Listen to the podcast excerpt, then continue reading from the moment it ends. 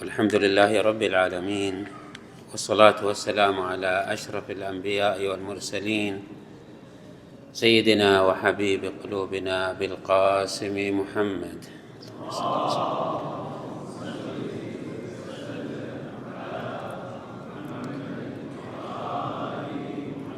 وعلى آل بيته الطيبين الطاهرين المعصومين الميامين اللهم صل على محمد سيد المرسلين وخاتم النبيين وحجة رب العالمين المنتجب في الميثاق والمصطفى في الظلال المطهر من كل آفة البري من كل عيب المؤمل للنجاة والمرتجى للشفاعة المفوض إليه دين الله اللهم شرف بنيانه وعظم برهانه وافلج حجته وارفع درجته. اللهم اضئ نوره وبيض وجهه واعطه الفضل والفضيلة والدرجة والوسيلة. وابعثه اللهم مقاما محمودا يغبطه به الأولون والآخرون. اللهم صل على محمد سيد رسلك رسولك وأمينك على وحيك. ورسالاتك وعزائم أمرك ومعدن الوحي والتنزيل. الخاتم لما سبق. الخاتم لما سبق. والفاتح لما استقبل. والمهيمن على ذلك كله. اللهم صل على محمد واهل بيته الطيبين الطاهرين الأوصياء الراضين المرضيين. بأفضل صلواتك وبارك عليهم بأفضل بركاتك. والسلام عليهم وعلى أرواحهم وأجسادهم ورحمة الله وبركاته. ثم السلام عليكم أيها المؤمنون جميعا ورحمة الله وبركاته. قال عز من قائل في محكم كتابه الكريم بسم الله الرحمن الرحيم. ولا تهنوا ولا تحزنوا وأنتم الأعل وأنتم الأعلون إن كنتم مؤمنين. إن يمسسكم قرح فقد مس القوم قرح مثله. وتلك الأيام نداولها بين الناس وليعلم الله الذين آمنوا ويتخذ منكم شهداء والله لا يحب الظالمين. وليمحص الله الذين آمنوا ويمحق الكافرين. أم حسبتم أن تدخلوا الجنة؟ ولما يعلم الله الذين جاهدوا منكم ويعلم الصابرين. صدق الله العلي العظيم. من السنن الإلهية المحكمة والحاكمة في تدبير شأن الإنسان سنة الابتلاء. الله عز وجل خلق الإنسان ليس عبثا وليس فضولا بل خلقه ليخلق وليصنع منه أجمل ما يمكن أن يصنع وهذا شأن إلهي وحكمة ربانية. أن يجعل من هذا الموجود الإنسان درة تاج جمال هذا الوجود أجمل ما في هذا الكون وأحلى ما في هذا الوجود. هو هذا الإنسان عندما يتلألأ وعندما يكمل وعندما يصل إلى تمام غرضه وكماله. ولكن بلوغ هذا الغرض وبلوغ هذا الكمال من خلال الشريعة ومن خلال التقنين ومن خلال الأنبياء ومن خلال المصلحين ومن خلال الدعاة إلى طريق الحق والفضيلة. ولكن الفضل الإلهي لا ينتهي عند هذا الحد. عند زراعة عندما عند بناء الوجدان البشري لطلب الحقيقة. بمعنى أن الإنسان موجود طالب ومحب للفضيلة والجمال والحق. وهناك رسالات وشرائع تجره وتدعوه إلى سبيل الكمال والفضل والفضل والحقيقة. ولكن فوق هذا وذاك هناك الامتحان الإلهي هناك العناية الربانية هناك الإحاطة واليد الربانية التي تحفظ الإنسان عن الزلل. وعلى ما رأيناه من خلل في واقع الإنسان هذا لا يعني أن ليست هناك أسباب وأن هناك مقتضيات للهداية والرشاد والصلاح. فإن الله عز وجل أبت مشيئته إلا أن يحيط الإنسان بأسباب الهداية وأسباب الصلاح وأسباب الخير. ومن هنا هذا القانون الإلهي وهو قانون التدافع البشري وقانون آه، التصارع البشري وقانون الابتلاء الإلهي يبتلي بعضنا ببعض.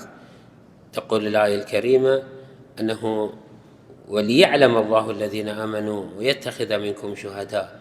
هناك علم إلهي يراد أن يتجسد ويتحقق. طبعا اشرت كرارا إلى أن العلم الإلهي الأزلي لا يتخلف ولا يحتاج إلى امتحان وأن الله سبحانه وتعالى عالم بكل شيء قبل الامتحان وقبل هذا الابتلاء.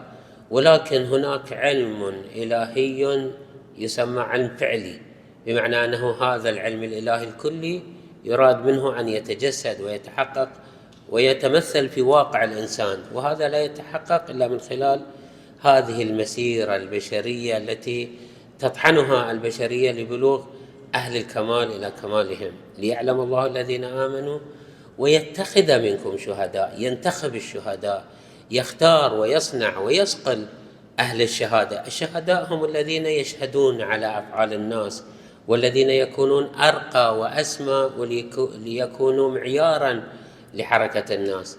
لتحقق هذه الشهادة في النخبة البشرية يجب أن يعبروا هذا السبيل. ومن هنا نجد أن هذا الابتلاء له مراتب وله مستويات. ليس الكل يبتلى كما الكل وإنما هناك مستويات لهذا الابتلاء. وهو أشبه ما يكون ببعض أشكال التصنيعات.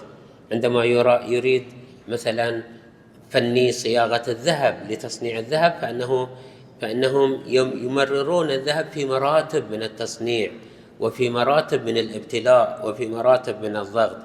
فيحدثون مثلا فلترة لاخذ الجيد من المادة الذهبية. ثم يدخلونها هذه الجيد يدخلونها في فلترة أكثر صلابة وأكثر غلظة. ومن هنا نجد أن الروايات تشير إلى هذا المعنى أنه كلما كانت البلوى والاختبار أعظم كانت المثوبة أجزل واجز أج كان الجزاء أجزل يعني أسمى وأشرف. فليس الابتلاء بدرجة واحدة وإنما مراتب ومستويات ومتفاوتة في الشدة والبلاء لاحظوا هذه الرواية الأخرى تقول أن الله عز وجل يختبر عباده بأنواع الشدائد ويبتليهم بضروب المكاره. لماذا؟ اخراجا للتكبر من قلوبهم واسكانا للتذلل في نفوسهم وليجعل ذلك ابوابا فتحا إلى فضله يعني يفتح لهم أبواب الفضل والهداية واسبابا ذللا إلى عفوه. الله جل وعلا لا يريد أن يؤذي الناس لا يريد أن يمتحنهم اعتباطا لا يريد أن يدخلهم في شدائد إلا للاخذ بأيديهم إلى تنقيتهم إلى تجريدهم من أسباب الكبر وأسباب الشعور بالاعتداد بالنفس والشعور بالاكتفاء. ومشكلة الإنسان أنه بمجرد أن يعطى مساحة من الرخاء مساحة من الراحة مساحة من المتعة حتى يشعر أنه لا يحتاج آه، مدبر ولا يحتاج إلى إله ولا يحتاج فتستنقذه العناية الإلهية وتستجذبه الرحمة الربانية. أن تأخذ بيده لكي لا تتخطفه شياطين الأهواء والرغبات والشهوات وخلل النفس. ومن هنا يدخلهم الله في هذه البلاءات اخراجا لما تكلس في قلوبهم من حالة التكبر. اخراجا للتكبر من قلوبهم واسكانا للتذلل في نفوسهم. فالله جل وعلا إنما يبتليهم لإحداث هذه الحالة.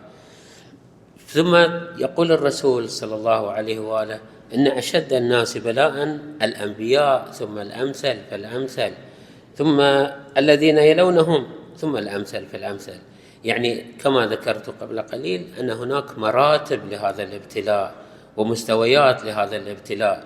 ولذا نجد أن الأنبياء هم أشد الناس ولوغا في حالة الابتلاء. حتى أن الرسول صلى الله عليه وآله لاحظوا أخواني كيف يخبرنا رسول الله صلى الله عليه وآله على ما جرى على الأمم السابقة أنه كان الرجل قبلكم يؤخذ فيحفر له الأرض فيجعل فيها فيجاء بالمنشار فيوضع على رأسه فيفلق باثنتين.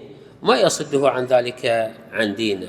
يعني هكذا نحو من الصبر والتمسك والتشبث بالقيم والمبادئ. هذا الذي يخلق حاله من الإيمان حاله من رسوخ العقيدة. يصف الرسول صلى الله عليه وآله أيضا يقول ويمشط بأمشاط الحديد تمزق جلده وبدنه ولحمه وعظمه يمشط بأمشاط الحديد فيما بينه من لحم وعظم وعصب ولا ما يصده ذلك عن دين الله. هذا النحو من التمسك بالدين عن وعي وعن إدراك وعن عقيدة وعن فهم. وهذه سنة إلهية وحكمة ربانية. فما من قبض ولا بسط. يعني إن بسط لك الأمر وإن قبض عنك الأمر فإنما هي عناية إلهية وتدبير إلهي وصنعة إلهية. ما من قبض ولا بسط إلا وفيه رحمة وابتلاء. هو ابتلاء وهو عطاء وهو رحمة وهو تدبير وهو خير للإنسان. ما نعانيه في هذه الفترة من أزمات وآلام وأوجاع إنما هي نموذج واضح وجلي يجب أن ندخل هذه الحالة من القلق والاضطراب والألم والأوجاع ونحن مسلحون بهذه العقيدة وبهذا الفهم وبهذا الإيمان. أنه كل ما يجري علينا وكل ما يصيبنا إنما هو في مسير الكمال وفي سبيل الرقي وفي سبيل التعالي وفي سبيل الصنعه الإلهية والتخليق الإلهي. ليس هناك عبث ليس هناك آه، أم آه، ليس هناك إهمال. نعم هناك إمهال هناك آه، طول نفس هناك سعة في التصنيع ولكن هناك هدفية وهناك حكمة. ومن هنا نرجو من الله سبحانه وتعالى أن يحفظ المؤمنين ويسلمهم ويثبت أقدامهم وأن يبني أرواحهم بناء إيمانيا خالصا وأن يدفع عنهم الأضرار وأن ينصر الله الإيمان والمؤمنين والمسلمين في كل مكان وأن ينصر المدافعين عن الدين وأن يسدد ألسنتهم وأن يصوب سهمهم وأن يحفظهم من بين أيديهم ومن خلفهم وأن ينصرنا على أعداء الدين في كل مكان والحمد لله رب العالمين. وصلى الله على محمد وآل بيته الطيبين